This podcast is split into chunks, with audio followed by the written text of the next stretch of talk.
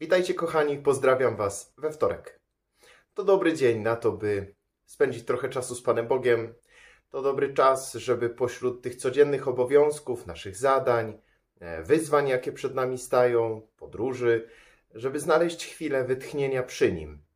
Ponieważ każde spotkanie z Panem Bogiem jest nie tylko jakąś formą naszej aktywności.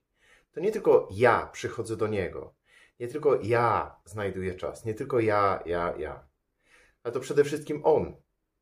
On pozwala do siebie przyjść. On chce obdarzyć mnie swoją łaską. On przychodzi do mnie tak naprawdę, objawia się przy mnie, zawsze przy nas jest. Objawia się przy nas po to, by nas wesprzeć, podnieść, by być rzeczywiście Emmanuelem, Bogiem z nami. Ta perspektywa zupełnie zmieni patrzenie bo okazuje się, że ja z Bogiem jestem rzeczywiście zawsze. Tylko czasami w tym zabieganiu, w tym codziennym rozgardiaszu ja go po prostu nie widzę, nie zwracam na niego uwagi. E, I to jest coś, co mamy zmieniać w sobie w Wielkim Poście. To jest postawa, której mamy się uczyć. Nie tylko w Wielkim Poście, ale przez całe nasze życie. E, do świętości. Czy chodzenie w Bożej obecności, chodzenie przy Bogu, który nieustannie nas wspiera. Kochani, i dzisiaj Pan Bóg daje nam piękne słowo, które ma nas wesprzeć w tym działaniu, wesprzeć w tym ćwiczeniu, w tym e, wielkopostnym naszym podążaniu za Nim. A mianowicie Psalm 24. Do Pana należy ziemia i wszystko, co ją napełnia, świat cały i jego mieszkańcy. Super tekst. Do Pana należy ziemia i wszystko, co ją napełnia, świat cały i jego mieszkańcy. W jednym zdaniu psalmista zawarł cały wszechświat i powiedział, że to jest Pana. Po prostu. A jeżeli wszystko, co we wszechświecie jest Pana, to ja jestem Pana. I to, co mam, jest Pana.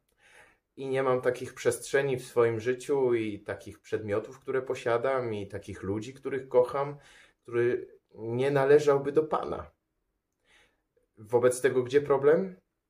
Ano w tym, że ja czasami Panu te rzeczy, ludzi, myśli, przestrzenie zabieram.